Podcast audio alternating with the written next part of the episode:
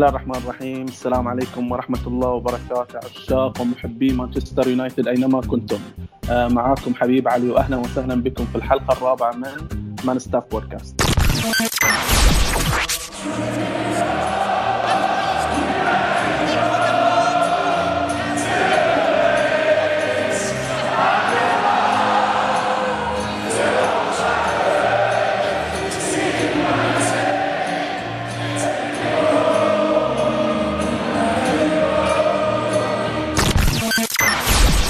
طبعا في الحلقات الأخيرة ناقشنا عدة محاور مع ضيوفنا الكرام مواضيع عديدة قادمة نتعمق فيها أكثر آه، خصوصا مع استئناف البطولات خلال الشهر القادم آه، وهو الشيء اللي منتظر أكيد وراح يعطينا أفق أكبر عشان نتحدث آه، بخصوص الأمور الفنية وسبل تحسينها كذلك. حلقة اليوم واعدة جدا راح نتكلم عن النادي ككل السياسة المتبعة نحاول نعطي صورة من خلف الكواليس لأكبر نادي كرة قدم في العالم. قبل ما نتكلم أكثر عن مواضيع حلقة اليوم يسعدني أكيد إني أرحب بنقادنا أهلا وسهلا فيك أخوي طلال العنزي منورنا أبو عبد الله. يا هلا ويا مرحبا أخوي حبيب ويا هلا بكل المستمعين ويا هلا بأخوي يوسف وإن شاء الله بإذن الله نقدم آه، حلقة طيبة ترضي الجميع يا رب. يا رب. أخوي يوسف أهلا وسهلا فيك حبيبي. مرحبا مرحبا حبيب وأحب أمسي عليك وعلى المستمعين وعلى عبد الله ويانا طبعا يوسف قبل الحلقة يقول لي إن هذه بتكون أعظم حلقة في البودكاست لأنه هو مشترك فيها. أنا ما أدري الصراحة يعني هل اصادقه ما اصادقه بس أكيد لا لا يستاهل. يوسف يوسف يوسف مادة مفيدة للجميع. لا لا بوجود أبو عبد الله أكيد بتكون حلقة حلوة. الله يسلمك. طبعا بس ما تعلى يزعل على الله يحفظك الله. في البداية طبعا لازم نتكلم عن عودة الدوري الإنجليزي. طبعا رسميا آه، تم تحديد يوم الأربعاء تاريخ 17 يونيو 2020 كموعد لعودة المباريات. الاستعدادات خلينا نقول على قدم وساق. الفريق بأكمله متواجد بدون إصابات. المباريات المتبقية عندنا طبعا ضد نورتش آه، في كأس الاتحاد الإنجليزي آه، ضد لاسك آه، في الدوري الأوروبي الفريق تقريبا حسمها بس الأهم عندنا تسع مباريات متبقية في الدوري. من ضمنها مباريات ضد فريق فرق منافسة بشكل مباشر على المركز الرابع توتنهام شيفيلد ليستر. إضافة إلى ست مباريات أخرى ضد فرق جدول متوسط جدول الترتيب خلينا نقول أه ببدأ بيوسف نظرتك لخط سير الموسم توقعك كم يمكن يعني عدد النقاط اللي ممكن يحصدها الفريق خلال هالمباريات التسع؟ والله يا حبيبي إذا تعلمنا شيء إحنا من هالموسم مع الفريق إن الفريق يعني لا يمكن إنك تتوقع نتائجه ولا إنك تتوقع المستوى اللي قدمه. الفريق بدا الموسم بشكل متذبذب لكن آه، باعت صفقة برونو. إذا نقدر نقول صفقة برونو أنعشت الفريق. آه، رجع الفريق قدم مستوى إيجابي. قدم مستوى إيجابي واستبشرنا فيه خير. السؤال الأصعب الآن كيف راح يكون مستوى الفريق بعد التوقف؟ يعني على سبيل المثال آه، شفنا إحنا الحين في في ألمانيا شفنا شالكة كان قريب من مراكز دوري الأبطال ومقدم مستوى جيد وموسم جيد. بعد التوقف شالكة لعب أربع مباريات تعرض لأربع هزايم وإذا أني مو بغلطان ما سجلوا ولا هدف في الأربع مباريات.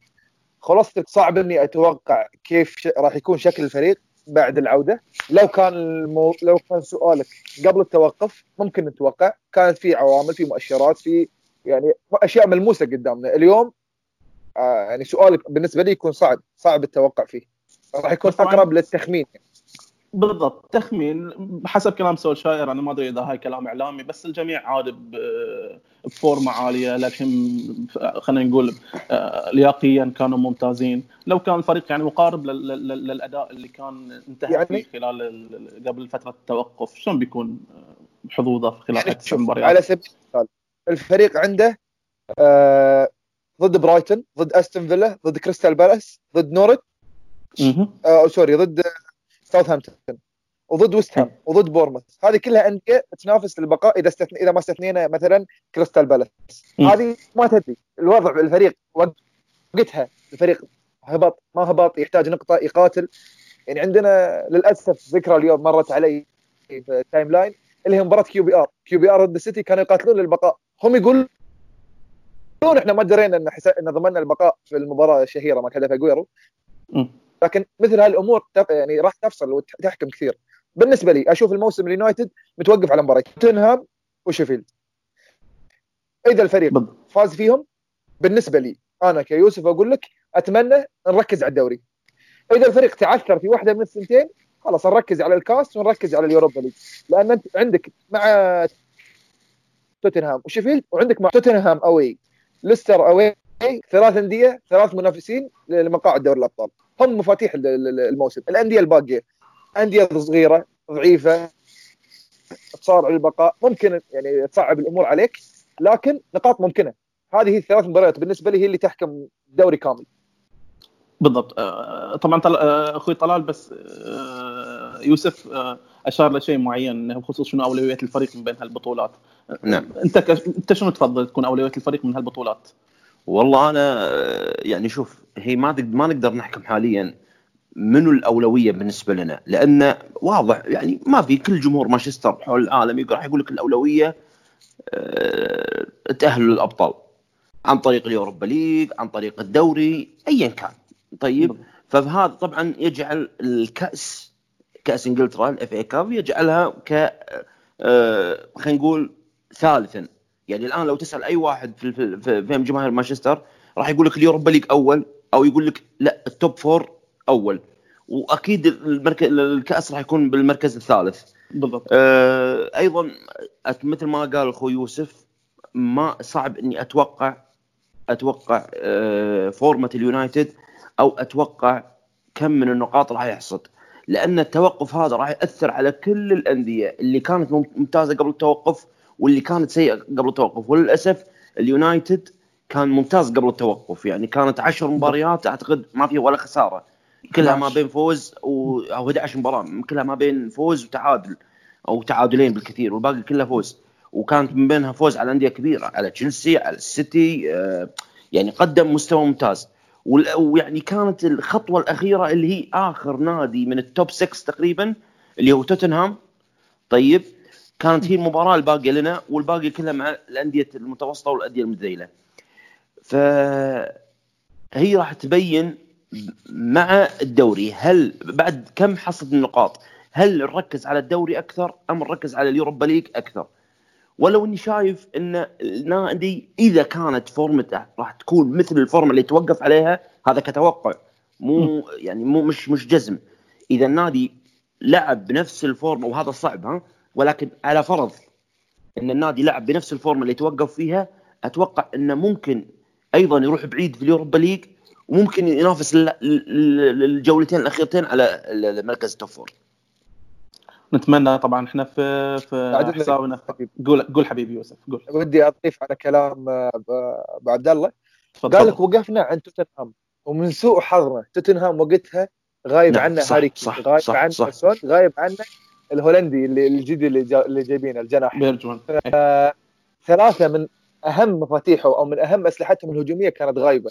يعني الله العالم من كان راح يلعب مورينيو كمهاجم؟ أما كان لاميلا أو لوكاس. للأسف التوقف يعني في هالمباراة.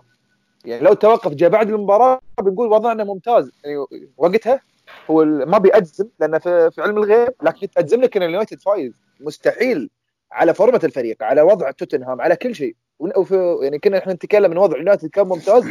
على النقيض كان توتنهام كان يمر في فورمة سيئة جدا. خروج من دوري أبطال هزايم متتالية. كان وضع سيء. اليوم الكل الكل يوسف الكل يعني أنت عندك السيتي عندك السيتي يعني بدأ ينتعش قبل التوقف. ليفربول لا حصل له نوع حصل حصل ليفربول حصل له نوع من الدروب. تشيلسي ها لا زال متذبذب الآن ما تقدر تتوقع أي شيء إلا لما تشوف بعينك. الا يعني واضف أضف في نقطة في نقطة مهمة في نقطة مهمة إن في كل ثلاث مباريات كل حسب الجدول اللي متوقع إنه راح تكون في كل ثلاث أيام مباراة. بالضبط. كيف راح كيف راح يكون شكل الفريق المداورة؟ اليوم سمعت كلام ولا أدري عن صحة الكلام هذا يقول لك إن ما أدري هل هم يقصدون الفريق الرديف أو يقصدون الفريق الاساسي إن إن مجبري اللي هو لاعب هانيبال مجبري اللي هو من من اللي جاي من موناكو إلى الفريق الأكاديمية الرديف وإن جارنر راح يكون لهم فرصة في الم... وهذا أتوقع يعني شيء من... يعني أتوقع إنه شيء منطقي لأن لأن راح يحتاج هو يداور أي مدرب في العالم بين سولشاير راح يحتاج إنه يداور فما نقدر نجزم شنو الشكل أو شنو النقاط اللي راح يعني يكون فيها الفريق بعد ال بعد ال بعد ال بعد البدء بالدوري. صحيح يعني على سبيل المثال آه، جارنر وغيرهم من الشباب أتوقع يأخذون فرصة ضد لاسك يعني أنت تتكلم أنت حاسم المباراة تقريبا وبتلعب على على ملعبك في, في الإياب فغالبا ممكن يداور في هالمباراة. يداور مثلا ضد نورتش إذا قرر يضحي بالكاس. آه هو مجبور إنه يداوم وحتى الفيفا عارفين وغيروا لك القوانين صارت خمس تبديلات لأن اللاعبين ما راح يكونون بالجاهزية البدنية. لكن أحب أشيد في نقطة واحدة. أنا بالنسبة لي نقطة عظيمة قامت فيها رابطة ال Premier League آه، في إدارتها لعملية العودة. ال Bundesliga سبقوا العالم كلهم وقالوا يلا يا جماعة إحنا رجعنا وهذا دورينا بدأ. طيب؟ خلاص أنت جيت الثاني جيت الأخير أنت متأخر متأخر. ال Bundesliga اليوم ضمنوا تقريبا شهر من من المتابعات ومن يعني اهتمام غير مسبوق في الدوري الألماني. كون الدوري الوحيد اللي يلعب اوروبيا من الدوريات الخمسة الكبرى. في أسبانيا مثلا قريت أمس إن أمس أقروا التدريبات الجماعية للأندية وبعد 10 أيام يبون يرجعون في الدوري. إنجلترا عطوا اللاعبين والأندية تقريبا ثلاث إلى أربع أسابيع وتتضمنها مباريات ودية بين الأندية، كلها أمور راح تساهم وتساعد الأندية ترجع في مستوى بدني عالي، لاعبين يرجعون في مستوى بدني عالي ونشوف رتم. يعني أول جولتين تقريبا أنا تابعت آه، البوندسليغا. أول جولتين ثلاث جولات هذه مباراة ودية. اعذرني هذه مش مباراة مباراة ودية. تحس اللاعب يلعب على الواقف وأنا ما ألوم الأندية ولا ألوم اللاعبين لأن التوقف يعني حرفيا قتلهم وما اخذوا فترة إعداد بدني. عكس اللي قرروه في إنجلترا. فهذا ممكن يساعد يساعد الأندية خصوصا الأندية الإنجليزية. ومنها اليونايتد اللي ينافس اوروبيا. عندك على سبيل المثال ولفرهامبتون ينافس اوروبيا. ممكن يكون لنا خصم وفريق مزعج بالنسبة لنا ولفرهامبتون يمكن ممكن نواجه في اليوروب قبل الموسم إيه. الموسم والموسم اللي فات. أنا ما أدري إيش بيننا وبينهم. طبعا آه، بلس إنه يعني غير إنه غير ان الفرق اللي, اللي تنافس اوروبيا. حتى يعني المنطق يقول انه راح يكون في صعوبة أكيد آه، في, عملية العودة من خلال المخزون اللياقي من خلال ضيق الجدول المباريات مثل ما قال أخوي طلال. طبعا قبل قبل الحلقة قبل تسجيل الحلقة إحنا أضفنا سؤال حق الجمهور آه، في حسابنا في تويتر. وكنا نتكلم عن عن شنو البطولة اللي المفروض إن اليونايتد يفضلها على آه، أو أولوية الفريق المفروض تكون خلال خلال هاي الفترة القادمة. 53% آه، تقريبا كان اختيار الجمهور للدوري الأوروبي. طبعا خصوصا مع الأخبار اللي تقول يمكن الدوري الأوروبي يكون مباراة واحدة بدون ذهاب وإياب. يعني بالمنطق أربع مباريات تفصلنا عن البطوله زائد تأهل لدوري الأبطال. يعني ممكن إنه يكون شيء منطقي. إضافة 100 آه، للدوري الإنجليزي وطبعا مثل ما أتوقع أخوي طلال كاس الاتحاد الإنجليزي كان 6% مجرد آه، لا أكثر. في إحصائية جميلة تشير إلى أن مانشستر يونايتد سجل 21 قل لي حبيبي. بخصوص كاس انجلترا أنا ما أستبعد. طيب وخلوني أنا آخذ نظرية مختلفة وجهة نظر مختلفة. قل. أنا ما أستبعد.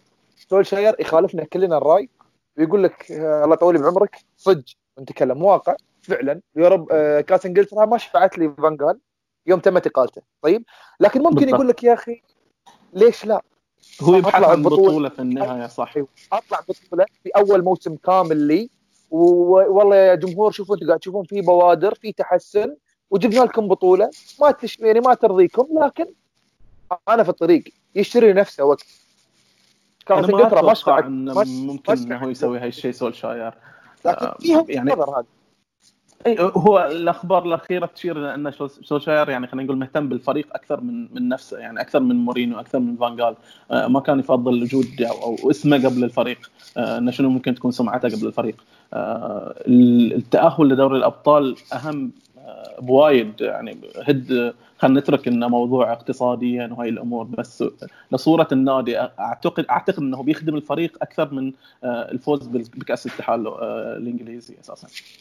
ما أدري إذا توافقون الرأي بهاي الخصوص أو لا. والله أنا أنا بالنسبة لي آه، دائما وحتى يعني هذا الراي عندي من يمكن حتى من قبل من قبل لا يجيبه فانجال اللي يجيب الكأس يعني. بطولة الكأس ال FA Cup أنا كنادي باسم مانشستر يونايتد ما أعتبرها إنجاز. okay هذا ال FA Cup ممكن أعتبره إنجاز مثلا لشيفيلد ممكن اعتبرها إنجاز لليستر. ممكن أعتبرها إنجاز لأندية الأندية المتوسطة. ولكن أندية أو ممكن يكون لنادي كبير بعيد عن البطولات من سنين. ماشي؟ مثل خلينا نقول لو قلنا مثلا ليفربول مثلا قبل لا يحقق ال Champions حقق الكاس والله شيء ممتاز انه عقب سنين. ولكن أنا كنادي مثل مانشستر يونايتد ما أشوف إن ال FA Cup بطولة كبيرة إلا في حالة واحدة. إذا قورنت مع بطولة كبيرة ثانية مثلا النادي أي نادي X Y Z أي نادي جاب دوري وجاب كاس. جاب Champions League وجاب كاس. اي هني تصير لها طعم. يصير الكأس لها طعم. اني أنا حققت بطولة الكأس مع بطولة هذه. هني أنا كأني أنا قاعد أقاتل على جبهتين ولكن بطولة الكأس بحد ذاتها لوحدها لا لا تسمن ولا تغني من جوع.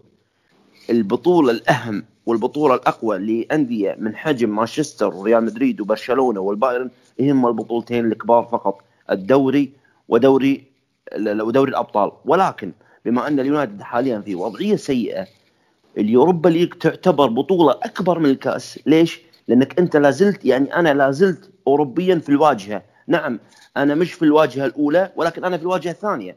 أنا صحيح طحت من الصفوة لكن أنا في في في في, في الفرقه باء مش في الفرقه ألف. ولذلك أشوف أن ال Europa League استحقاق أكبر من الكأس.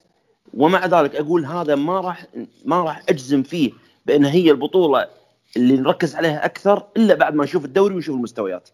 يعني يمكن اليونايتد يحقق يحقق لي والله من هو من تسع مباريات والله جاب لي فاز لي بستة أو سبع مباريات وصار في المركز الرابع شبي في شبي في ال Europa League مع السلامة. لا والله شفت اليونايتد فاز بمباراتين ثلاث وتعادل وخسر الباقي لا يبغى يروح ال Europa League.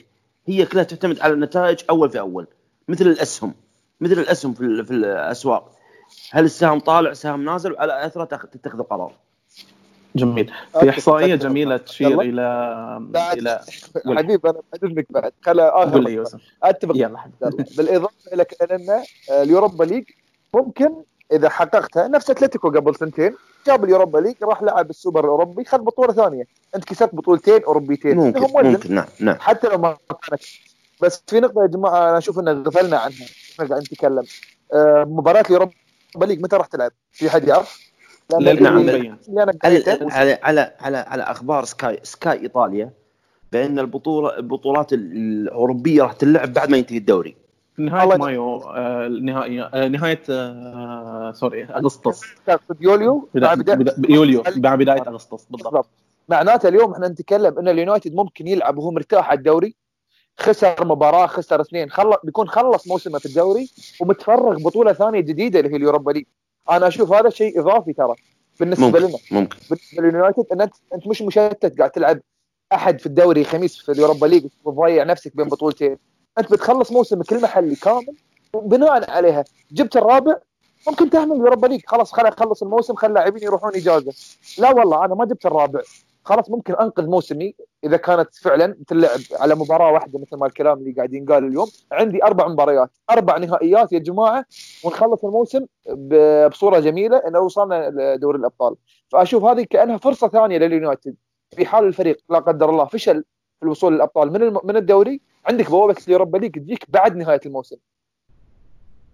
خلينا نتمنى بهالشكل تكون يعني للحين مبينه الأخبار بخصوص بخصوص التواريخ اللي المفروض آه، تقام فيها هاي المباريات.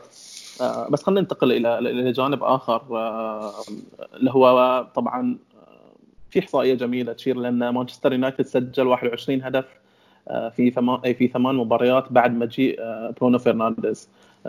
قبل وصوله للفريق طبعا سجل 13 هدف الفريق في ثمان مباريات تقريبا فرق ثمانية أهداف. آه، لاحظنا وجود بوجبا وبرونو مع بعض في التدريبات آه، صور جميلة والتسريبات الأخيرة اللي نشرت آه، في صحيفة التايمز تشير إلى أن بوجبا باقي مع الفريق. وهو المنطقي الأمر المنطقي وانسجامه مع برونو في تحسن. تفكير سولشاير طبعا في خطتين 4 2 3 1 بوجود برونو كلاعب رقم 10 ومرافقة بوجبا الأحد الثلاثي ماتش فريد أو مكتومني أو ك 4 3 3 ويكون أدوارهم دفاعية أكبر طبعا أبو عبد الله طبعا تعليقك على أخبار بوجبا أول شيء اللي أنا أشوفها منطقية مثل ما قلت وشنو الرسم التكتيكي اللي تحس أفضل للفريق بوجود بوجبا وبرونو؟ والله شوف بوجبا يعني سؤال يعني سؤال هل يبقى هل يقعد بوجبا هل يمشي؟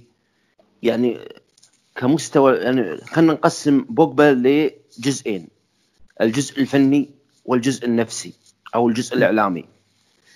البوجبا الفنيه لا يختلف عليه اثنان إنه من أفضل من أفضل لاعبين العالم من أفضل لاعبين الوسط في العالم كابتكار كفكر آه، كصناعة للاهداف آه، كتهديف سرعة اتخاذ القرار نظرا للملعب.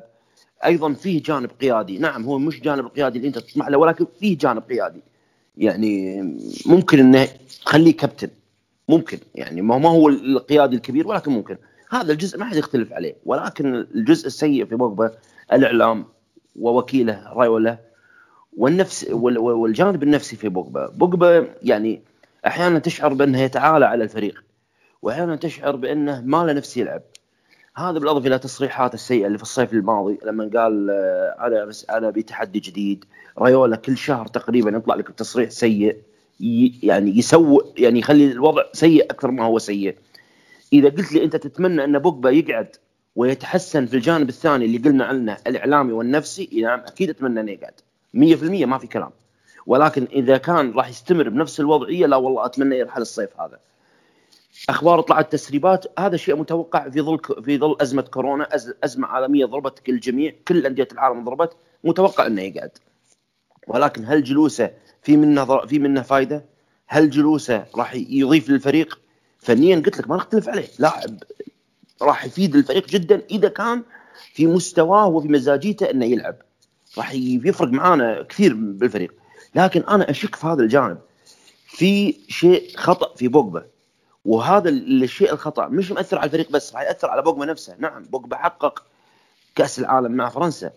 بوجبا في إمكانه إنه يحقق Champions League ويحقق كرة ذهبية إذا تحسن الجانب هذا. وهذا الجانب أنا مو قاعد أشوف إنه يتحسن مع بوجبا. أنا أشوفه قاعد يسوء. كل يوم يوم يسوء.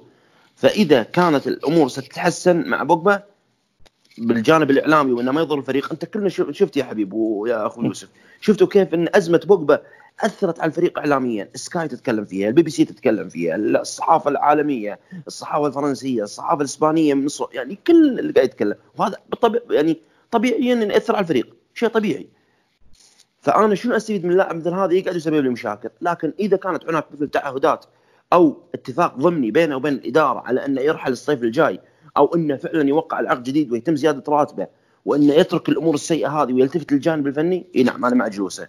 إذا ساء الفريق لا والله يرحل حتى لو في خسارة مادية ولو أني أنا مش صاحب القرار وأنا عارف أن اليونايتد بالأخير يبي فلوس اللي دفع عليه بوجبا ولكن لمصلحة الفريق. يرحل حتى لو بخسارة مادية عشان أتجنب الوضع هذا خصوصا ان أنا فريق الحين قاعد أبني فريق المستقبل قاعد أبني فريق راح يعطيني ينتج لي. كلنا شفنا إن سولشير قلنا فيه ما قلنا فيه كل شيء بالسوء الفني. قلنا إن سولشير سيء فنيا في الجانب سيء فنيا في الجانب سيء في الجانب. ولكن ما نختلف بأن صفقات سولشير 10 على 10 في كل الصفقات الأربعة اللي تمت. هذا واحد. اثنين الجانب الإعلامي في سولشير لا يعلى عليه. أفضل مدرب إعلامي جانا من بعد السير. ما عمل مشاكل مع إعلام ما يعمل ضجة إعلامية ما يعمل فرقعة ما يصطدم مع الإعلام ما يصطدم مع اللاعبين. كل شيء في غرف غرف الملابس والأمور ماشية تمام. لذلك إذا كان هذا اختصر كلامي إذا كان رحيله من منه, منه فائده فيرحل. وإذا كان جلوسه منه فائده يبقى. شنو الرسم التكتيكي اللي تحسه أفضل أبو عبد الله للفريق؟ والله شوف أنا اعتقد أعتقد الكل آه، يعني أتوقع 4 3 3 أتوقع 4 3 3 أه وإنه يعتمد على وجود مثل ما قلت أنت يعتمد على وجود برونو وبوجبا وأحد الثلاثي اللي هم أما فريد أو ماتيتش أو مكتوميناي ولو إني أف... لو بيدي القرار على اللي شفناه من فريد حرام يطلع من التشكيلة. بالضبط. فريد حرام يطلع من التشكيلة. فريد يعني من اللاعبين اللي ظلموا حتى من أساطير اليونايتد. يعني إذا ظلموا بال بال بالاستهزاء وإن 50 مليون رميت في في سلة المهملات أجلكم الله و و ولكن شفناه داخل الملعب ادى أداء مجهود جبار. فأنا أتوقع 4 3 3 أه وهذا أتوقع هو الرسم اللي راح يستمر فيه سوشير يوسف آه تتوقع خصوص آه خطط سولشاير في بناء الفريق راح تتأثر برحيل بوجبا؟ والله يعني شوف آه وجود بوجبا مهم. ولا ودي يعني أزيد على كلام أبو عبد الله لأنه كفى ووفى في الشرح. كلام أبو عبد الله جميل.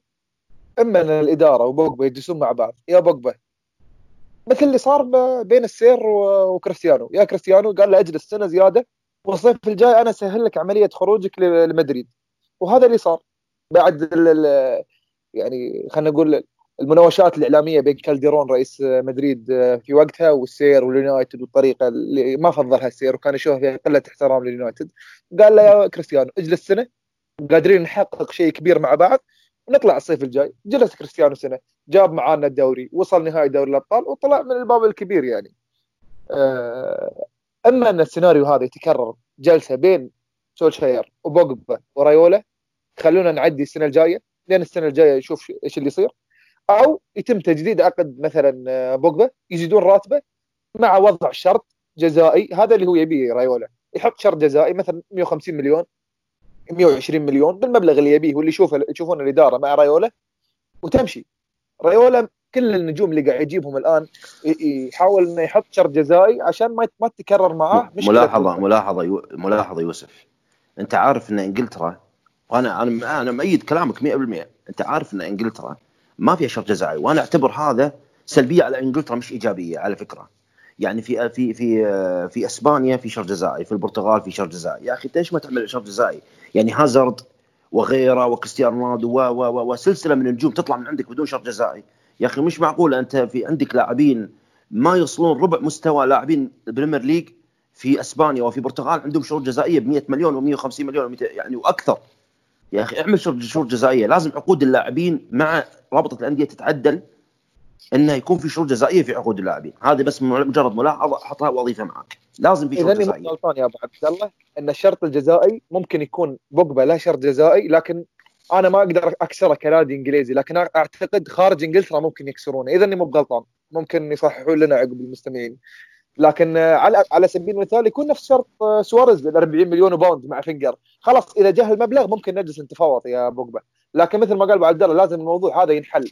ما يصير الفريق يبتدي الموسم الجاي بنفس مشاكل هذا الموسم اللي هي أخو بوجبا طالع لي في برنامج ولا أخو الثاني طالع لي في في جريدة يصرح ولا بالضبط. رايولا كل يومين ماسك له مايك في إذاعة ولا في قناه هذا خلاص صداع ما له داعي. نعزل الفريق عن المشاكل هذه نخلي الفريق على أرضية الملعب.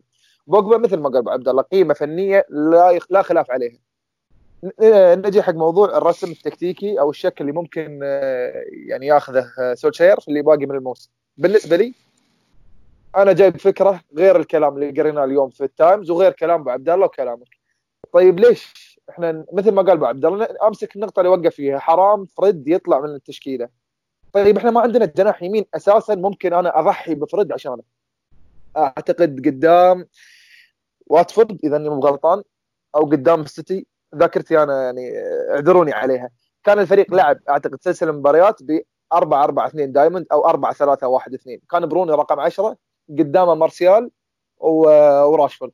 أنا ما لي ما لي حاجة في جناح يمين لأن جناح اليمين خياري راح يكون يا راح يكون دان جيمس أو راح يكون البطيء ماته أساسا. فأنا بالنسبة لي أفضل أن نلعب براسين حربة اللي هم مارسيال وراشفورد وخلفهم برونو. أما بتلعبه تسعة ونص بتلعبه تسعة وهمي بتلعبه عشرة هذه نترك الأمور الفنية للمختصين فيها. لكن ما وراه يكون على يساره بوجبا على يمينه فرد مثلا وخلفهم فريد أو مكتوميناي وخلفهم ماتيتش بهالشكل أنت ضمنت أن عندك قوة دفاعية موجودة اللي هي بماتش لأن الفريق تحسن دفاعيا. لو نلاحظ بعودة ماتش في مركزه. ثبت ماتش تعطي حماية أكثر آه لبوجبا وبرونو بوجود لاعب مثل فريد أو بوجود لاعب مثل ماكتوموناي راح يغطي مساحات راح يقطع آه يعني ما شاء الله ماكتوموناي يقطع 10 15 كيلو وهو مرتاح في الملعب. فبالنسبة لي أشوف هذا أفضل رسم يناسب اليونايتد اليوم. للموسم الجاي لو في كلام مثلا عن سانشو إنه بنجيب جناح يمين سوبر ممكن نتكلم عن 4 2 3 1 4 3 3 لكن أنت أساسا ما عندك جناح يمين تعتمد عليه. فليش أخسر هالمركز وأخسر فريد أو ماكتوموناي أو ماتش عشان أحط جناح بس على الورق. أنا بالنسبة لي هذا اللي أفضله 4 3 4 3 1 2 أو 4 4 2 دائما بالمسمى اللي يفضلونه المستمعين.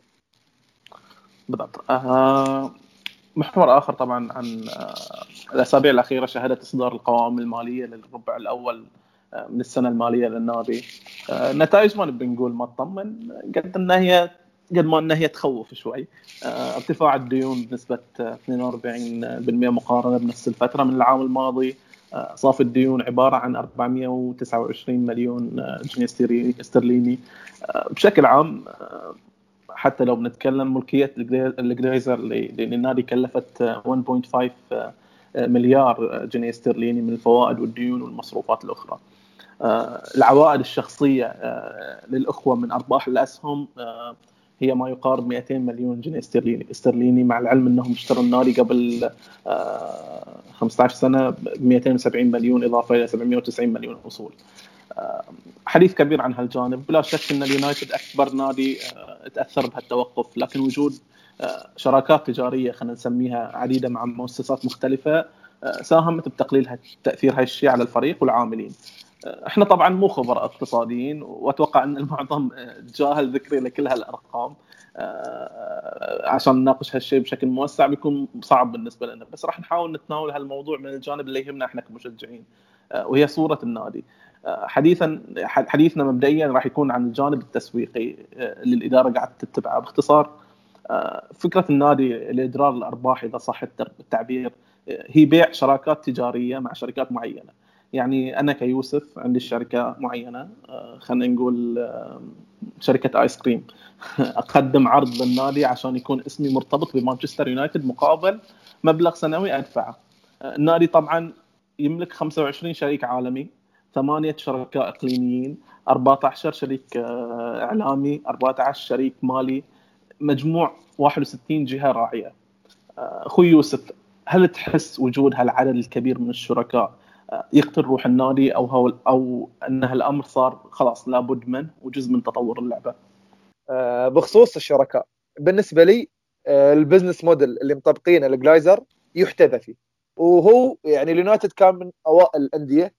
اللي مشت بهذا الاتجاه واليوم قاعدين نشوف الأندية كلها ما بقول تقلد اليونايتد لكن تحذو بحذوه هم جو بعقلية أمريكية بعقلية ال business الأمريكي كيف الأندية الأمريكية أندية كره القدم الأمريكية البيسبول والسلة كيف المليارات اللي قاعد تطلعها.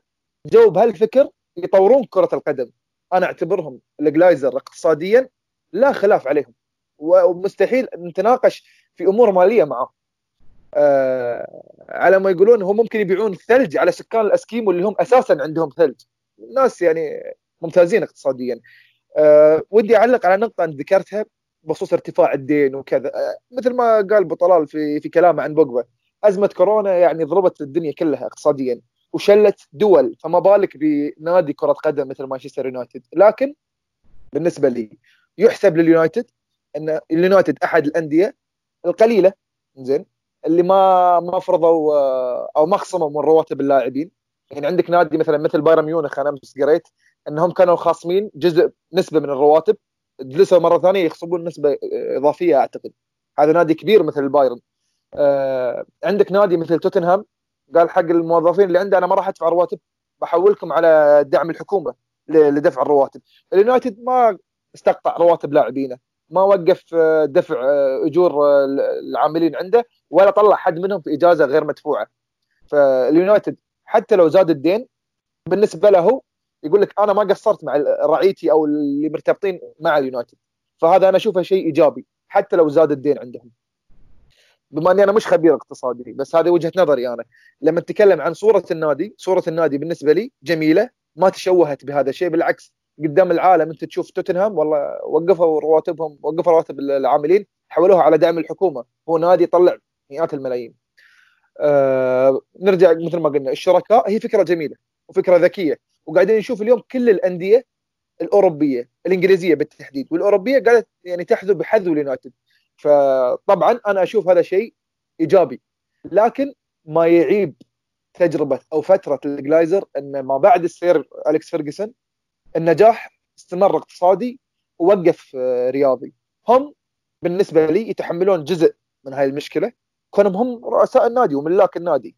يعني مثل ما قرينا في في التقرير اللي تم ترجمته عن طريق الحساب بأن والله ناسي اسمه أظن أفرام جلايزر. أحد الجلايزر هو اللي وقع على صفقة شراء اللاعب وبيعه. أو أي لا صفقة جويل. شراء هو اللي وقع جويل جلايزر هو اللي جو... وقع عليه. yes فمعناته هو يتحمل المسؤولية سواء نجح النادي أو فشل.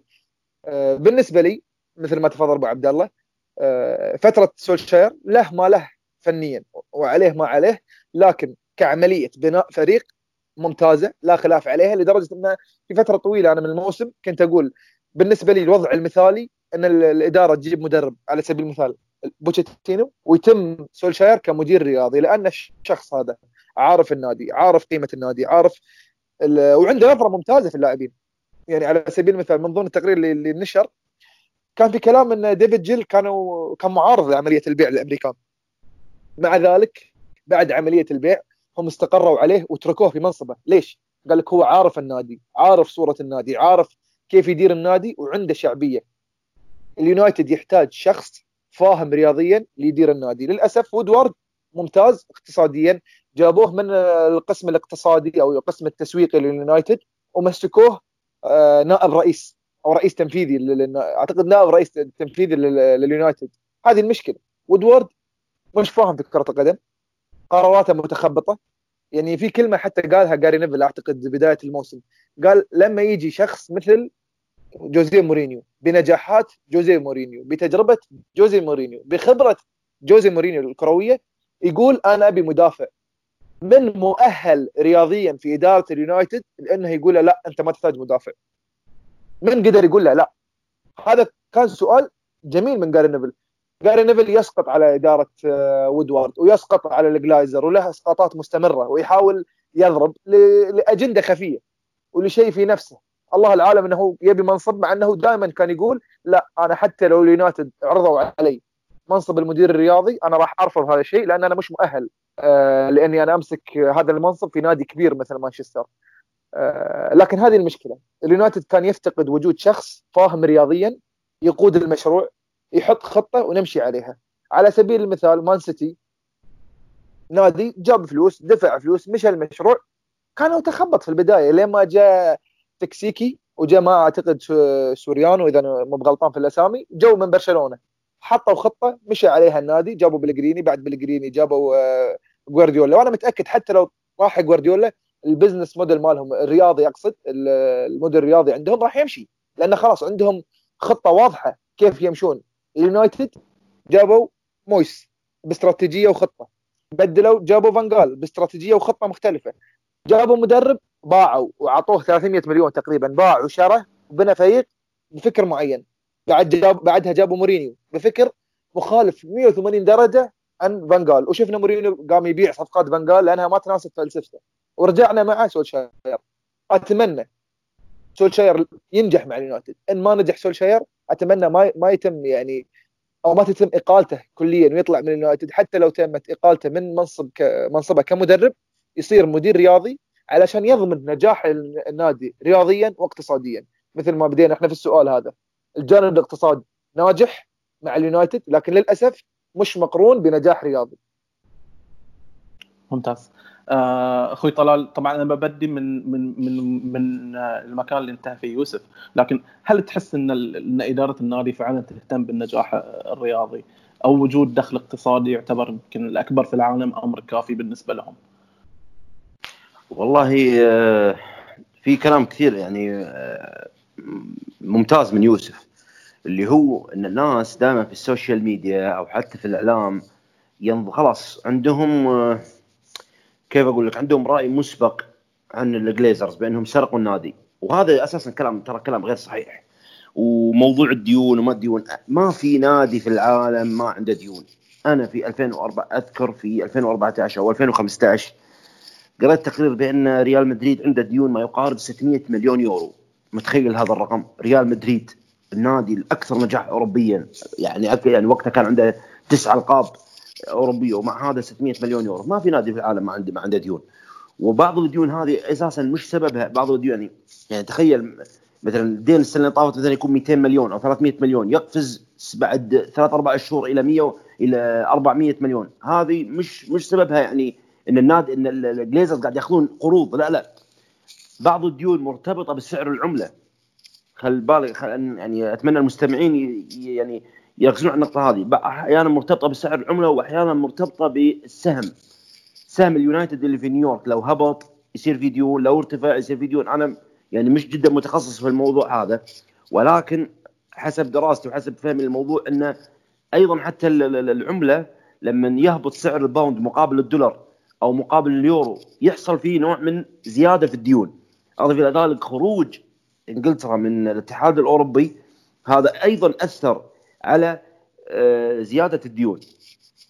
الجليزرز وعبد الله تفضل تفضل. بخصوص آه، فرق العملة. كلامك أي. جميل جدا. وعلى على نفس الكلام اللي قاعد نتكلم فيه مستوى الديون أعتقد لو نرجع نشوف في 2016 أعتقد أو 2015 كان في تصويت. وشوف الأمور السياسية دائما تنعكس حتى على الجانب الرياضي والاقتصادي. كان في تصويت عن إن اسكتلندا تبي تنفصل. عن آه، بريطانيا. بريطانيا. وقتها أنا أتكلم بالنسبة لي كان سعر الباوند كنت أنا طالب وقتها في بريطانيا. سعر الباوند كان 6 ريال. بعد عملية التصويت هذه اللي فشلت سعر الباوند صار 5 ريال إلى 4 ريال ونص. آه. فحتى لو نقيسها ف... مع الدولار هذا تضرر. إيه لا لا لا واضح واضح وأضف أضف إلى أضف إلى ذلك أضف إلى ذلك تأثر. أضف إلى ذلك تأثر. الاقتصاد العالمي بموضوع كورونا راح يزيد. أنا أعتقد إن الدين راح يزيد مش راح ينقص. يعني أتوقع يعني أتوقع يعني الجماهير راح تشوف إن في الدين راح يصعد ما راح ينقص. في الفترة الجاية على الأقل خلال السنة الجاية أو خلال السنتين الجايه راح تشوف الدين يزيد. لكن مانشستر يونايتد الجليزرز حولوا مانشستر يونايتد إلى غول مالي واقتصادي. يعني في 2009 بعد و2008 قريت إن لوجو مانشستر يونايتد يقدر قيمته السوقية بمليار ونص دولار. القيمة السوقية. أتفق مع يوسف العقلية المالية الأمريكية تم نقلها من أمريكا إلى مانشستر يونايتد بكل إيجابياتها وأيضا بكل سلبياتها. ف يعني ما أتوقع أن رؤساء الأندية مثلا انديه كرة القدم أو كرة السلة أو الملاك هناك يهتمون جدا بتفاصيل بتفاصيل اللعبة.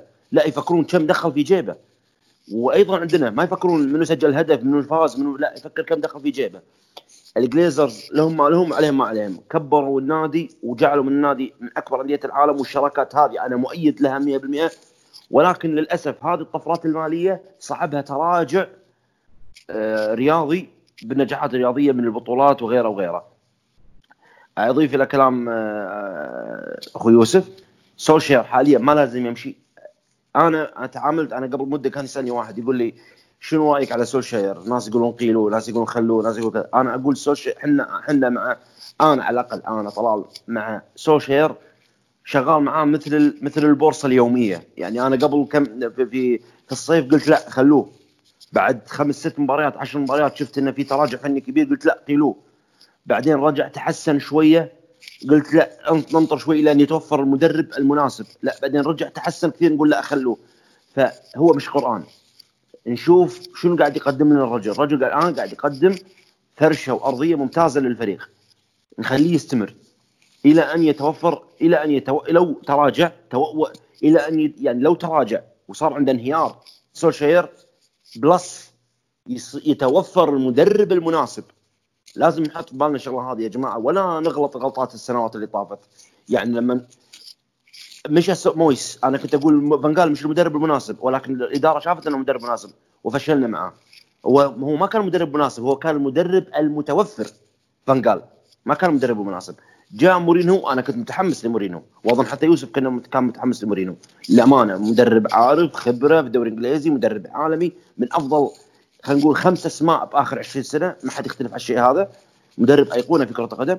ولكن أيضا ما كان المدرب المناسب لليونايتد خاصة بعد مدرب مثل فانجال كان مدرب المتوفر وذهبنا له. آخر شيء النادي راح إلى سوشير لو اليونايتد قرر في المستقبل القريب أو البعيد إقالة سوشير يجب أن تأتي بمدرب مناسب للأدوات التي عندك. ما تروح تجيب مدرب مدرب مضاد تماما لأفكار سوشير أو مدرب مجهول الهويه لذلك يجب إذا تبي لازم معاه مدرب متوفر. هي كأنها خلينا نقول package باقة كاملة. تقيل المدرب يجب أن يتوفر عندك المدرب المناسب ما تروح تضرب عشوائي. وأسمع يعني أحيانا أسمع بعض الإخوان يعني في السوشيال ميديا ومع كامل احترامي وتقدير لهم يعني طبعا يأتون يأتون بأسامي يعني okay خلينا نستثني بوتشيتينو باعتبار إنه المدرب الأميز بين الشباب في آخر ست سبع سنوات في الدوري الإنجليزي. ولكن غير بوتشيتينو مش من المدرب اللي قاعد تفكرون فيه. يطرحون لك أسماء مع كامل احترامي للإخوان طبعا. ماركو روز نجلسمان أو, أو أو طيب أنا أنا كمدرب أنا كمشجع لليونايتد مش متابع للدوري الألماني وما أدراني بأن هذا المدرب اللي في ألمانيا أو في إيطاليا أو أو أو راح يكون مناسب جدا بالنسبة لي أنت لازم ت... إحنا لازم نعرف إحنا كإد... لازم. هذا أيضا من السلبيات تحسب على ال... تحسب على الإدارة، لازم الإدارة تكون عندها نظرة فنية للمستقبل حتى لما بعد سولشير، من المدرب المناسب لليونايتد في حالة اقاله سولشير؟ أو أحط لي مثلا brief أو لستة مدربين مرشحين للفترة القادمة في حالة إقالة سولشير أو أو إنه كمل. لذلك أنا مع بقاء سولشير على الاقل على الأقل لصيف 2021 ونشوف شنو الوضع. خاصة مع الآن أزمة كورونا صعب ثقيلة وتعجي مدرب ثاني. صعب جدا جدا. خصوصا الرجل حط لب يعني لبنات للبناء المستقبلي. فمع مع الاستمرار عليه وفكرة المدير الرياضي يعني خاصة بعد كلام سولشير في في الصيف في الصيف السنة اللي طافت صيف 2019 أو في نهاية 2019 لما قال الإدارة يجب إعادة هيكلة وريستراكشر و و و. أتوقع كلها يعني عفوا الكلمة كلها كذب بكذب. لم يتم تعيين مدير رياضي. خلاص. نقطع من أول سطر وودورد مدير المالي أو المدير التنفيذي تحت مدرب على طول. لن يكون هناك حلقة وصل بين بين الإدارة وبين المدرب مدرب الاداره على طول. أنا أتفق مع عبد الله والكلام هذا. الكلام أتوقع مجرد هو دائما كل ما تشوف كل ما تسيء آه، نتائج الفريق يجيبوا لك موضوع آه، المدير الرياضي كإبرة بنج يهدون فيها الجماهير، الجماهير يقول نبي مدير رياضي خلاص بنجيب لكم مدير رياضي، ولا يعني أنا مثلا آه، لو أنا مكان وودورد هل يعني هل معقول أني أنا أضحي بصلاحياتي اللي عندي وأتنازل عنها عشان أعين مدير رياضي؟ لا أنا الأمر الناهي في النادي، ليش أتنازل عن جزء من صلاحياتي وأنا مخير؟ كنت دائما أقول لو اليونايتد راح يعين مدير رياضي راح يكون بقرار من الجلايزر نفسهم وودورد مستحيل يضحي بصلاحياته ويجيب مدير رياضي بمزاجه بس أنا والله عشان خاطر الجمهور فدائما كل ما لو ترجع كل ما ساءت النتائج طلعوا لك موضوع المدير الرياضي يطرحوا لك اسمين ثلاثة يسربونهم في الإعلام تهدى يعني يهدى غضب الجمهور بس ويرجع تطنيش الموضوع هذا. هو مجرد شماعة يستخدمونها في حال ساءت النتائج لتهدئة الجمهور. بالضبط. بنتكلم أكثر طبعا في الجانب الأخير بعد عن هاي الموضوع. آه لو بنستمر أكثر في, في, في, في الأمور المالية في في آه وضع النادي آه طبعا لاحظنا صندوق الاستثمار السعودي انتقل لشراء نادي نيوكاسل حاليا وأتوقع انهم في ال process الأخير طبعا بقت الاختبارات فقط. آه ما ندري يعني متى ممكن يكون الإعلان خلال الفترة القادمة. آه نتمنى لهم كل التوفيق طبعا. Glazers آه، حسب آخر الأخبار كانوا موافقين على إعطاء المملكة 20% بس من أسهم النادي. الأمر اللي طبعا ما بيكون منطقي لأي مستثمر ان أدفع فلوس بدون ما يكون عندي سلطة. السؤال الحقيقي لأخوي يوسف اللي بعيد وبعيد عن العرض السعودي طبعا. بشكل عام حسب قيمة أسهم النادي حاليا اللي تكلمنا فيها قبل شوي. قيمة النادي تصل ل 2.7 مليار دولار حاليا حسب قبل أسبوعين بس تقريبا. هاي القيمة الحقيقية الاكتشوالز اللي موجودين في أسهم النادي. يعني لو أحد بيروح بيشتري أسهم النادي هاي سعرها بس. لكن حسب تقدير الخبراء أربعة إلى خمسة مليارات كافية لجعل ملاك النادي يوافقون على البيع. لكن السؤال من يستطيع دفع هذا المبلغ الآن؟ هل هناك من يستطيع شراء مانشستر يونايتد أخو يوسف؟ أه راح أجاوبك على سؤالك. إذا إحنا شفنا نادي مثل تشيلسي رومان إبراهيموفيتش أعتقد قبل سنة أو سنتين جاء له عرض مليارين جنيه استرليني مليارين pound 2 billion pound ورفض البيع. فكيف أنت تقارن قيمة تشيلسي بقيمة اليونايتد؟ أنا أذكر في بداية اهتمام آه، صندوق الاستثمار السعودي باليونايتد آه، كتبت قلت والله أنا أستبعد حتى الجلايزر يبيعون لو يوصل العرض إلى 8 آه، مليار. إذا وصل 8 ممكن يبيعون. عدا ذلك مستحيل. النادي قاعد يدخل يطلع لي دخل سنوي وأرباح سنوية. أنت وتقول آه، هم مستفيدين ما يقارب 200 إلى 300 مليون من أرباح النادي. هذا غير الديون اللي هم حاطينها على النادي بشكل أو بآخر. بالضبط. طيب؟ فأنا ليش أبيع؟ أنا ليش ليش أنا ليش غير استغلالهم لأصول النادي أساسا في ذهب. بالضبط. فليش أبيع؟ فهي معلومة مؤكدة لي من شخص آه، يعمل في المجال عندنا في قطر يعمل في الجانب الاقتصادي بدون ذكر أسامي وين يشتغل ولا كيف جات المعلومة. كان يقول لي الكلام سنة 2010 2011 كان يقول لي يوسف بتسمع خبر يسرك؟ قلت له يعني إيش الخبر اللي بيسرك؟ قال لي بتسمع خبر يسرك. الكلام في 2010 قبل ما صندوق الاستثمار القطري يشتري باريس سان جيرمان. حسب كلام الشخص هذا والعهده على الراوي أن جهاز قطر للاستثمار عرض مليارين جنيه استرليني في ذاك الوقت للجلايزر والجلايزر رفضوا وأعتقد رفعوا العرض معاهم إلى أعلى من ذلك بشوي ومع ذلك رفضوا فأنا كنت أقول من جات الأخبار الجلايزر ما راح يبيعون النادي. مستحيل يتخلون عن النادي. فاليوم يوم لما تقول لي انت هم يبيعون 20% أنا ببيعك 20 وحصتك هذه كتمويل باخذها ببيع. يعني. راح أعيد توزيعها في النادي وإعادة استثمارها. أنت لك نسبة. لكن أنا ليش أنت تقول ليش المستثمر يدفع فلوس بدون ما تكون له سلطة؟ أنا صاحب السلطة ليش أترك سلطتي لك؟ حتى لو أنت مستثمر أنا وضعي المالي أنا مرتاح ماليا ليش راح أبيع؟ اليونايتد صعب. الوضع المالي الحالي صعب ينباع. اللي ممكن يشترون اليونايتد قلة قليلة. أنت علشان تشتري اليونايتد بالنسبة لي الموضوع لازم ياخذ له على الأقل 10 سنوات. يعني لو لو نفترض صندوق الاستثمار السعودي شرى 20% عقب خمس ست سنين حاول مع اللي عندهم نسب زيادة حاول يجمع يزيد نسبته لأن أعتقد الجلايزر يملكون 70% من اسهم النادي أو 80 ما أعتقد إنهم يملكون 100% يعني لو انت شريت 20 قول 80 لو انت شريت 20 من الجلايزر طيب؟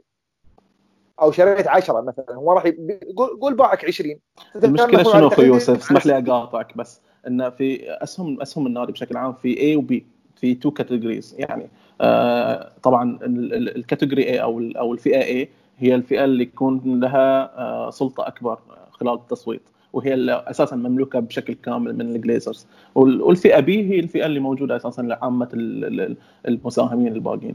ف حتى في فكرة إن أنت تبيع آه، أسهم النادي بشكل عام يعني أو نسبة كبيرة من أسهم النادي أنت لازم تتكلم بعد عن أي فئة بتبيع. وكل فئة لها سعرها. فالأمر معقد. أنا إذا تسمح لي حبيب ابي أبي أتدخل معاكم في الموضوع. قل لي حبيبي تفضل تفضل. أه تفضل. شوف أنا عندي رأي وقناعة. أول شيء كلمه كلمة كتب كلمة 10 سنين أنا مع مؤيد لها. يعني إذا في أنا أو خليني أقول لكم أول شيء شنو رأيي. اليونايتد لن يشتري شخص اليونايتد إلا إذا كان محب ومشجع لليونايتد. انتهى. بمعنى لا يوجد شخص راح يحط استثماره في اليونايتد إلا إذا هو يحب اليونايتد ويريد أن يمتلك اليونايتد. غير هذا انسى. لا استثمار مالي ولا غيره. لسبب. لسببين السبب الأول إن أنت علشان تقنع الجلايزرز ومثل ما قال لك يوسف يعني إذا ينحط لهم 2.2 billion pound ورفضوا يبيعون معناته إنه صعب. صعب جدا إنك تقنعهم. هذا السبب الأول. يعني أنت لازم تحط مبلغ خرافي علشان تقنعهم. هذا العقبة الأولى. العقبة الثانية أنت علشان تدفع هذا المبلغ تبي تنتظر عوائد. مش معقول أنت تقط 2 مليار أو أكثر وبدون عوائد. تبي عوائد لك أنت شخصيا كتاجر أو كمستثمر. فإذا أنت مش محب للناس العوائد هذه 2 مليون ما راح ترجع لك بنفس الوقت. راح ترجع لك بعد مدة طويلة عشان تبدأ تحصل أرباحك. بعد 2 مليار مليار اللي رميتهم تبي أرباح. فأنت تحتاج على مدى طويل إنك تجمع أرباحك. 10 سنوات 15 سنة عشان تبدأ تجمع أرباحك. وفي الحالتين ما في مستثمر راح يعملها. إلا إذا واحد محب لليونايتد يقول لك إيه أنا أدفع 2 مليار بس أنا أكون اليونايتد ملكي وأخليه وانميه رياضيا ومو مشكلة. يكون عندي آه يكون عندي تأخر في تحصيل الأموال. وهذا صعب تلقاه في اليوم في اليومين هذولا. إذا اليونايتد يبي تمل إذا في شخص راح يتملك اليونايتد ممكن ممكن مجموعات من شرق آسيا إما من الصين أو من اليابان أو من شرق آسيا من سنغافورة من ماليزيا ايا كان وات يعني يتملكونه بعد خمس خمس سنوات عشر سنوات من الان إذا مش أكثر خصوصا مع جائحة كورونا هذه راح تضرب الاقتصاد العالمي كله وضربته مش مش راح تضرب لا ضربت بالفعل. فما أتوقع إن في مستثمر راح يقول أنا أبي آه، أبي أستثمر في اليونايتد مستثمر مالي يفكر بالمال. أبي أستثمر في اليونايتد وأنتظر عوائد حاليا.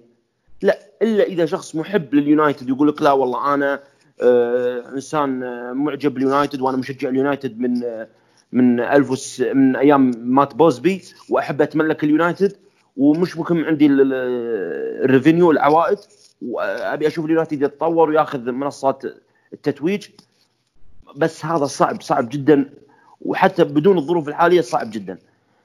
لذلك ما أتوقع أن اليونايتد راح ينباع. وبعدين أنا شو اللي يخليني أبيع منجم ذهب؟ يعني أنا لو أنا جويل جلايزر أو افرام جلايزر شو اللي يخليني أبيع؟ آه، مؤسسة مالية تدر علي سنويا 200 مليون آه، يورو أو 200 مليون pound ما في أحد يضطرني لأني أبيع.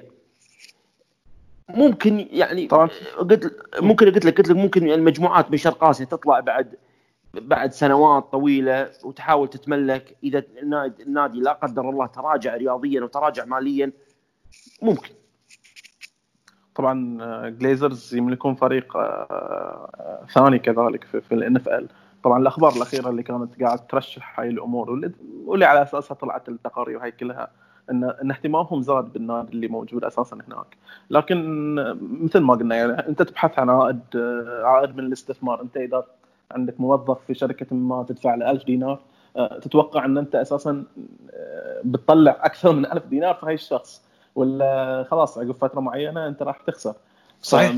بيكون ضرب من الجنون أساسا إنه يكون في أي شخص يفكر بشراء اليونايتد آه، بقيمة حتى لو قلنا 5 مليارات 5 مليارات لأن المبلغ كبير جدا جدا حتى لو كان في نية أو خلينا نقول رؤية مستقبلية أن عائدات البث التلفزيوني يمكن تزيد لو نتفليكس أمازون أو يوتيوب أو أي أحد دخل آه، على الخط. لكن حتى هاي الشيء راح ياخذ يعني it's long term يعني طويل الأجل خطة طويلة الأجل جدا. فما أدري إذا يوسف أنا بالنسبة لي لو كان فعلا حيتم بيع اليونايتد كانت راح تكون بعد وفاة جلايزر الأب. ممكن تستغل الزعزعة لو الإخوان اختلفوا أنا أبغي ما أنا أبغي كاش ما أبي أسهم. ممكن كان ذاك الوقت. لكن اليوم طالما هم متفقين مع بعض. صعب صعب. واتفق معك يا حبيبي واتفق مع ابو عبد الله إن العملية لازم تكون طويلة ويكون شخص جاد. أنا والله ما ما كاش سريع. بدفع اليوم أبي بكره مقابل. لا ممكن انطر 15 سنة 10 سنين خمس سنين. ممكن أنا اليوم بشتري 20% بكرة أشوف واحد من الأخوان يمكن له مزاج يبيعني أكثر. وتبتدي تستمر العملية. لكن الأمريكان بشكل خاص صعب يبيعون. إلا إذا لو الجلايزر يعني صارت لهم مصيبة اقتصادية واضطروا إنهم يبيعون. ولك على سبيل المثال آه، عثمانوف ومشيري كانوا مستثمرين في في أرسنال مع كرونكي. في أرسنال. حاولوا يلوون ذراع آه، كرونكي أكثر من مرة فشلوا. في النهاية خضعوا للأمر الواقع ورضخوا للواقع للأمر الواقع. إيش سووا؟ باعوا أسهمهم راحوا اشتروا إيفرتون. فالأمريكان صعب إنهم يبيعون. ونفس الكلام اللي ينطبق على جلايزر ينطبق على أنا ليش أنا أنا ليش أقول لك مجموعات آسيوية؟ ليش أقول لك مجموعات آسيوية؟ ممكن تدخل على الخط. مع الركود الاقتصادي المتوقع خلال السنوات الجاية زين ومع صعود الاقتصاد العالمي من ناحية آسيا زين ما نختلف إن آسيا حاليا صارت آه، عملاق وغول آه، يعني غول اقتصادي كبير. ممكن تدخل عليها. وممكن أيضا ولكن خلاص خلاص طالما إن السعودية دخلت على نيوكاسل لا ننسى يعني ممكن تكون استثمارات دول غير آسيا هذا رقم واحد. ممكن مجموعات آسيوية تتملكها الاحتمال الثاني يكون مشاريع دول. يعني مع كامل احترامنا وتقديرنا لكل المستثمرين الخليجيين اللي تملكوا في في في أوروبا قطر باريس سان جيرمان الإمارات آه، مانشستر سيتي السعودية حاليا نيوكاسل. هذه عبارة عن مشا... عن صناديق دول سيادية استثمرت في الأندية. ماشي؟ ولا تنتظر الربح السريع تنتظر الربح الطويل الأمد. يعني أنا يعني ما أجزم ولكن أتوقع إن لا باريس سان جيرمان ولا حتى السيتي دخلت دخلت عوائد مالية كبيرة على على الصناديق السياديه لدولهم. حتى هذه اللحظة ممكن بعد بعد خمس سنوات من الان نهائيا هي الفكرة؟ إي. أن المستثمر يعني, يعني منصور بن زايد مثلا شرى السيتي بقيمة 100 مليون أو 200 مليون اليوم لو بيبيع هو ربحان 800 مليون لكن وكم صارت قيمة النادي؟ ما حد يبحث عن الكاش ماني يقول لك أنا باخذ قيمة النادي من 100 مليون بوصله مليارين على سبيل المثال آه، آه، إبراهيموفيتش. شرى اذا مو غلطان آه، تشيلسي ب 140 مليون. اليوم يقول لك يا له عرض مليارين ورفض. هاي كم ضعف؟ وعليكم الحسبة. فهي الفكرة أن أنا بصعد قيمة النادي عشان بكرة أبيع. هي صعبة. لكن مثل ما قلت هي هي هي بعد هي ب... هي بس هي بس إحنا إحنا ما نبي ندخل إحنا ما نبي نزعج المشاهد كثير في الأرقام. ولكن معلش يعني اعذروني في الكلمة. إذا كانت نادي أنت خلينا تعال نترك مانشستر يونايتد على على جنب. إذا كان نادي مثل ريال مدريد مديون بما يقارب 600 أو 500 مليون يورو. حلو؟ فأندية مثل يعني نادي ريال مدريد لا شغله غبار سيد أوروبا. زين؟ والتيشيرتات ولوجو لوجو ريال مدريد و و و و. كل هذا القوة المالية والاقتصادية الضخمة والإعلامية لريال مدريد مديون بهالرقم طيب الأندية أندية المستثمرين مثل تشيلسي مثل السيتي مثل باريس سان جيرمان و و. كم مديونة؟ أتوقع بأكبر ولكن القوة المالية للملاك سدت هذه هذه الديون. أو غطت هذه الديون. بحيث خلتها إنها ما مو مش يعني مش تغطية أو مش يعني مش تلاعب لا. أنا ما أتكلم عن تلاعب أنا أتكلم عن إن القوة المالية أنا أقدر أسد الديون هذه بحيث ما تطلع عندي في القوائم المالية. معي فمنو المستثمر اللي ممكن يغامر في مثل هذه في مثل هذا الوقت ويشتري نادي بحجم مانشستر يونايتد؟ ولاحظ لاحظ حتى لو هو لو هذا المستثمر أراد أن يشتري مانشستر يونايتد الآن راح يدخل في مجازفه مجازفة كبيرة غير المجازفة المالية ها؟ غير إنه يريد يريد عوائد. أن النادي أن جماهير النادي تريد النجاح السريع. نيوكاسل لو شريته حاليا ممكن النادي الجماهير تصبر علي ثلاث سنوات خمس سنوات إلى أن أوصل منطقة منطقة اليوروبا ليج إلى أن أوصل نهائي الكأس. أما جماهير مانشستر يونايتد لا. أنت اليوم شريت النادي أنا أبيك بعد سنة أو سنتين تكون في نهائي أبطال أوروبا أو تكون منافس الدوري. خلوا بالكم في النقطة هذه. هذه نقطة جدا مهمة في شراء النادي لأي مستثمر إنه راح يشوف ردة فعل الجماهير. بالضبط. آه risk عالي طبعا. أخبار كثيرة طبعا تداولتها الصحف عن عن هالجانب في الفترة الأخيرة. آه راح ننتقل لجانبنا الأخير آه اللي بيكون عن آه مقارنة بسيطة.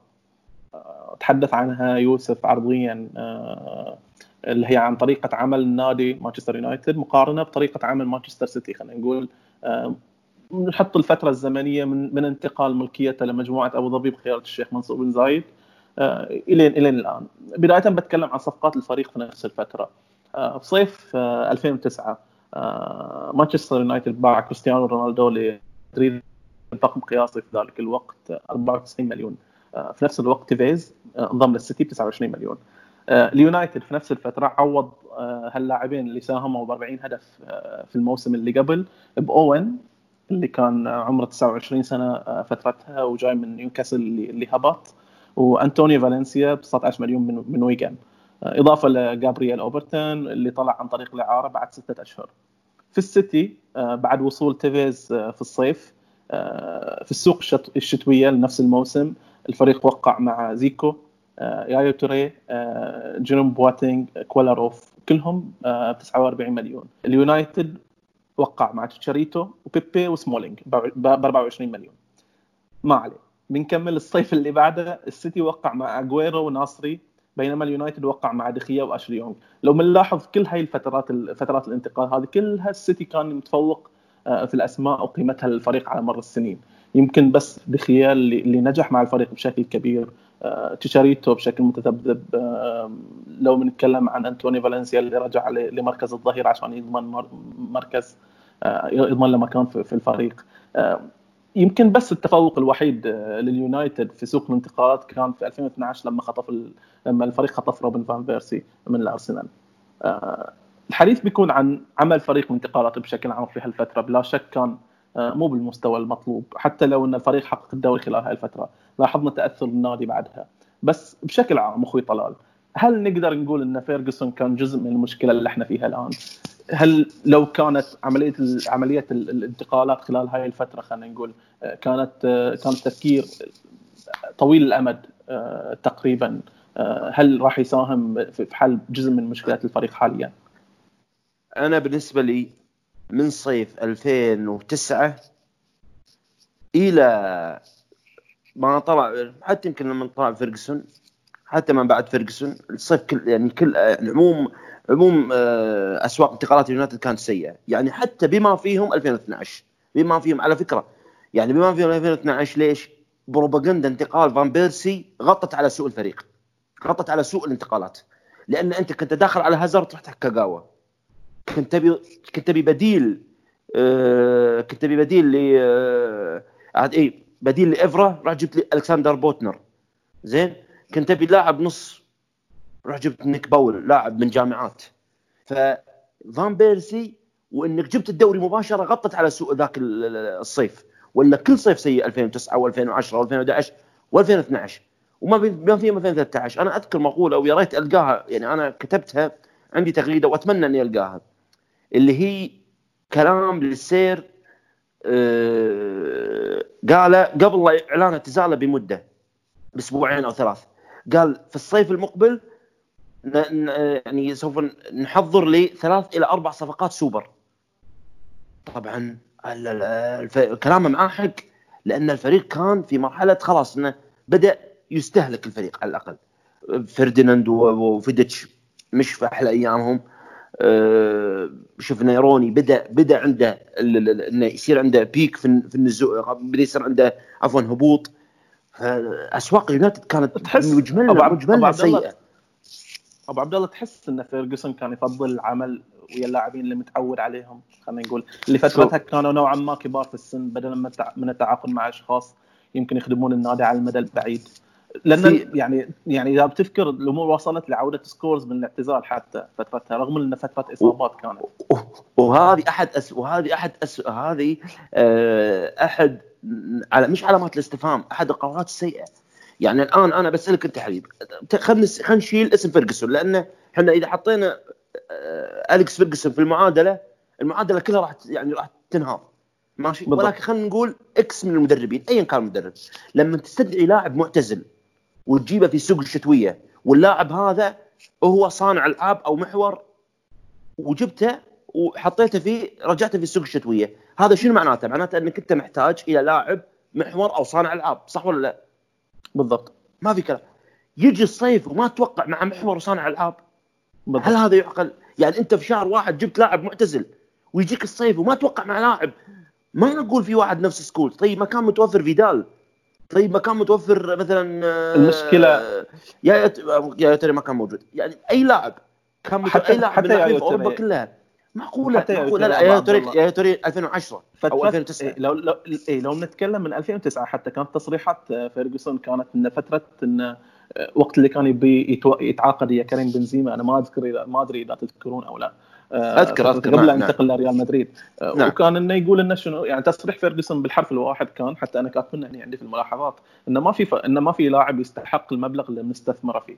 يعني ورغم هاي الشيء كامل يعني خلينا نشوف إنه بس السيتي كمقارنة آه، وقع خلينا نترك تيفيز آه، دزيكو يايا توري بواتينج آه، كولاروف اجويرو نصري يجيب اسماء يجيب يجيب يجيب. إحنا يعني شوف شوف. أحلى. مك... يعني أختصر لك الكلام هذا كله في جملة سمعتها من أحد الأخوة.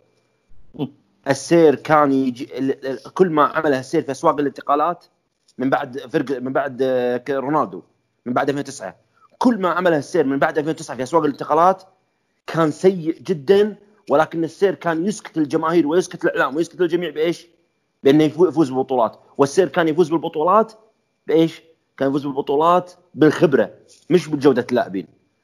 يعني اللي يشوف 2011 يعني كافي أعطيك 2011 2011 لو تشوف تشكيله الفريق تقول هذا الفريق شلون وصل إلى نهائي أوروبا وشلون حقق الدوري. يعني بالخبرة بالخبرة. الرجل قاعد يفوز بالخبرة. يعني ب 2011 أنت بطل الدوري ونهائي دو... نهائي أبطال أوروبا. 2012 تخسر الدوري بفارق ستة أهداف في اللحظات الأخيرة. 2013 تفوز بفضل خبرتك زائد فان بيرسي وكاريك لأنهم كانوا ابيز لاعبين بالفريق بصراحة يعني. والباقي الفريق كان كله ما بين جيد ما بين سيء.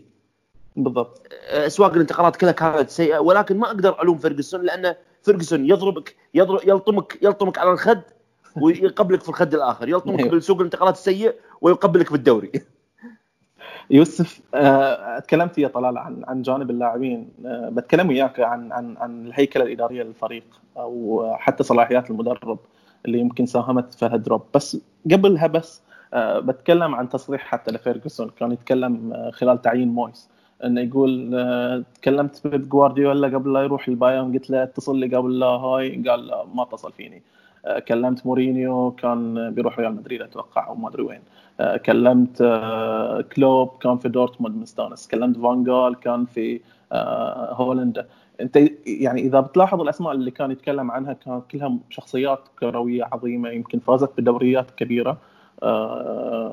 لكن بعدين القرار اللي صدر إنه الفريق يروح يتعاقد مع شخص مثل مويس اللي أكبر إنجازاته إنه هو آه، يعني خلينا نقول خلى فريق مثل إيفرتون يكون في منتصف آه، ترتيب الدوري خلال 10 مواسم أو أو أو, أو أكثر أو أقل مو متأكد.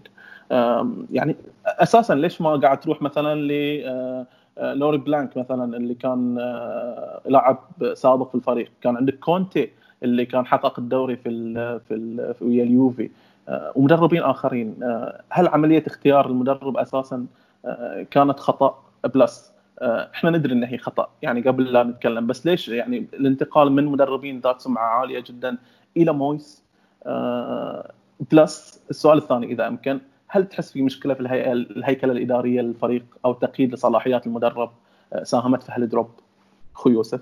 سؤال سؤال يعني أسئلتك جميلة حبيب بس خلني أعرج على نقطة أبو عبد الله. سؤال اللي سألته إياه على عجالة وأرجع لك على سؤالك جبت نقطة جميلة كان كلام فرجسون في كل صيف تقريبا.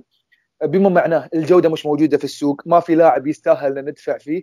وأعتقد قريت قبل يومين أن الميزانيات السنوية كانت لا تتجاوز 25 إلى 30 مليون. وأنت لما ترجع على الكلام اللي كنت تقوله والأسعار والصفقات راح تلاقي فعلا فيرجسون ما كان يتخطى أو ما كان يتجاوز ال 30 مليون كل سنة. لكن حسب آه كلام فيرجسون يوسف كان يقول إن الإدارة عمرها ما قالت لي لا. ونفس الشيء كلام الإدارة هاي نفسها بس يعني فضايع الحسبة هني. إحنا هاي, هاي اللي إحنا نشوفه قدامنا يعني تحس إنه في شيء الموضوع فيه إنه ممكن فيرجسون يعني يبي يحمل اداره الله العالم. آه لأن أنا مقتنع إنه ما في مدرب في العالم تعرض عليه لاعب يجيب لاعب زيادة يدعم الفريق بلاعب ويرفض. أنا مقتنع بهذا الشيء. ننتقل للسؤال الثاني. أنا أعتقد والله العالم إن المدرب اللي كان اليونايتد مستهدفه أساسا وإذا إني مو بغلطان ديفيد جيل كان له تصريح قال إحنا بنجيب مدرب خبير في دوري الأبطال. طيب؟ والاسم اللي أنا أكاد أجزم إنه هو اللي كان على القائمة نعم كان بيب جوارديولا وبيب جوارديولا كان معطي كلمة شرف أو وعد شرفي للبايرن انه بعد ما أطلع من آه، برشلونة بجيكم لأنه كان في كأس أودي شاركوا في سنة من السنوات في الصيف برشلونة وأعجب بهيكلة البايرن وبالمرافق الموجودة وقال لهم آه، أو قال له هونس أعتقد أو رومينيجه واحد فيهم انه بما أنا إيش رأيك تدربنا؟ قال إذا طلعت من برشلونة إن شاء الله أنتم بتكونون يعني من ال top of my list فراح البايرن. كلوب مثل ما قلنا كان مرتاح مع دورتموند. مشكلة اليونايتد كانت في اختيار المدرب توقيت اعتزال السير. السير ما كان يدري إنه بيعتزل إلا في ذاك اليوم اللي قال لك شاف زوجته حاطة يدها على خدها وقاعده تهوجس في الليل وزعلانة بعد ما توفت أختها. يعني لا لاعب مثل فان بيرسي يقول لك يوم السير أعلن اعتزاله قام يبكي. هو تو جاي أنت جايبني. ما ما ما, ما كان هذا الوعد اللي بيني وبينك اللي اتفقنا عليه عشان تقنعني أجي أجيك اليونايتد عشان تقنعني بمشروعك. ما قلت لي سنة وبطلع. فحتى السير ما كان يدري.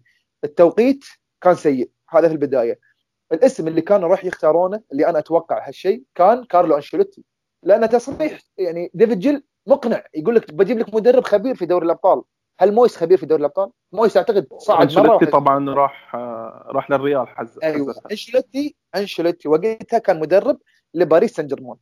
الخطة كانت ماشية كالآتي اللي أنا أشوفه إن أنشيلوتي كان طالع جاي اليونايتد اللي صار انه جاه تليفون من من من ريال مدريد بعد خروج مورينيو. أنت لما تتكلم أنشيلوتي في وقتها أعتقد كان كاتب كتاب سنة 2008 أو 2009 يقول اللحظة اللي أنا ندمت عليها قد شعر راسي. هي اللحظة اللي رفضت فيها عرض مدريد أعتقد في 2006 وجاني قلياني أقنعني إني أستمر. فهو كان متحسف إنه رفض عرض مدريد. فيوم جات الفرصة مرة ثانية على عيني وعلى راسي يا مانشستر نادي كبير. لكن أنا كنت أقول لك أنا ندمان إني رفضت عرض مدريد. فجاه عرض مدريد أنا أتوقع إنه فضل عرض مدريد على اليونايتد وراح. فوقتها قاموا يرجعون. أنت تحط خيار أول ثاني ثالث وصلوا. أنا يعني أراهن إن مويس كان السادس أو السابع في القائمة. آخر ما ما رسوا عليه مدرب اسكتلندي مثل السير يبوه خبير في الدوري الإنجليزي توكل على الله. مع ذلك مويس مثل ما قال أبو عبد الله استلم فريق كان يعني على نهاية حقبة. نهاية حقبة نهاية آه، فيديتش نهاية فرديناند نهاية إيفرا آه، جيجز على سكولز اللي اعتزل مع السير أساسا. روني كان بادي ال drop فالفريق كان سيء وقتها وفي إيش اللي صار؟ الإدارة ما ادري أعقب على كلامك يوسف إذا تسمح لي. تفضل. والله لو كان والله لو أف... لو إني أعين لو أعين مدرب من أكاديمية اليونايتد لو أعين مدرب بعد اعتزال السير أهون من مويس. يا جماعة في حجم في في حجم في اليونايتد. يعني يعني عمركم شفتوا يعني ما أذكر في نادي في نادي راح منه مدرب تاريخي أو مدرب كبير ما يجي مدرب يجي مدرب يا يوازيه أو أنجح منه. الريال مش الريال راح منه مورينهو جاء منه أنشيلوتي. يعني لازم أنت تكون من هذه النوعية. يعني برشلونة يروح منه بيب جوارديولا طلع مساعدة فيلانوفا. راح فيلانوفا جاء بعده لويس إنريكي أو فأنت كان لازم تبحث عن مدرب. يا أخي إذا مش موجود مويس يا أخي عين واحد من عندك من ال staff اللي تحت. على الأقل فاهم سياسة النادي. مش تجيب واحد. ويا ريت لما جاء قال أنا راح أبتدي بخطوات السير أو على الأقل أبقي على رجال السير اللي هم ريني مولينستون و ومساعد سولشير حاليا. مايك فيلان أعتقد حتى مايك فيلان مايك فيلان وريني مول... لا مشاهم وجاب, وجاب مشاهم وجاب آه، رجاله وهذا حقه. بس انت بس أنت مقدم على خطوة كبيرة. على الأقل تترك ناس من الحرس القديم يمشوا لك الأمور على أساس تمشي.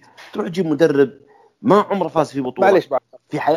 في حياته ما فاز في بطوله في حياته ما صعد حتى المركز الثاني في حياته ما صعد حتى نهائي كأس.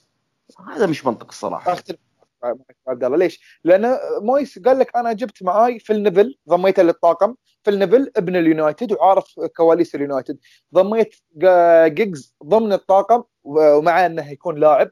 جبت رجل من رجال فيرجسون اللي استمر معاه لسنوات وخليت لاعب إلى الآن من إرث اليونايتد. أنا بالنسبة لي من بين كل المدربين اليونايتد اللي مروا على الفريق الوحيد اللي يحق له يطلع يقول في الإعلام أنا انظلمت مش فان اللي كل يوم طالع لي يصرح أنا انظلمت في الإدارة ما جابت لي ديفيد مويس.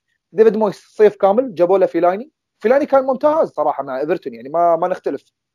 يكفي انه كلفنا الدوري حسبي الله عليه في مباراة التعادل يوسف يوسف حنا ما آه، نختلف. يوسف حنا ما نختلف بأن يوسف إحنا ما نختلف بأن مويس ظلم بسوق الانتقالات ولكن إحنا ما نتكلم عن الظلم اللي وقع على مويس. بقد ما نتكلم أن هل مويس يستحق يمسك اليونايتد ولا ما يستحق؟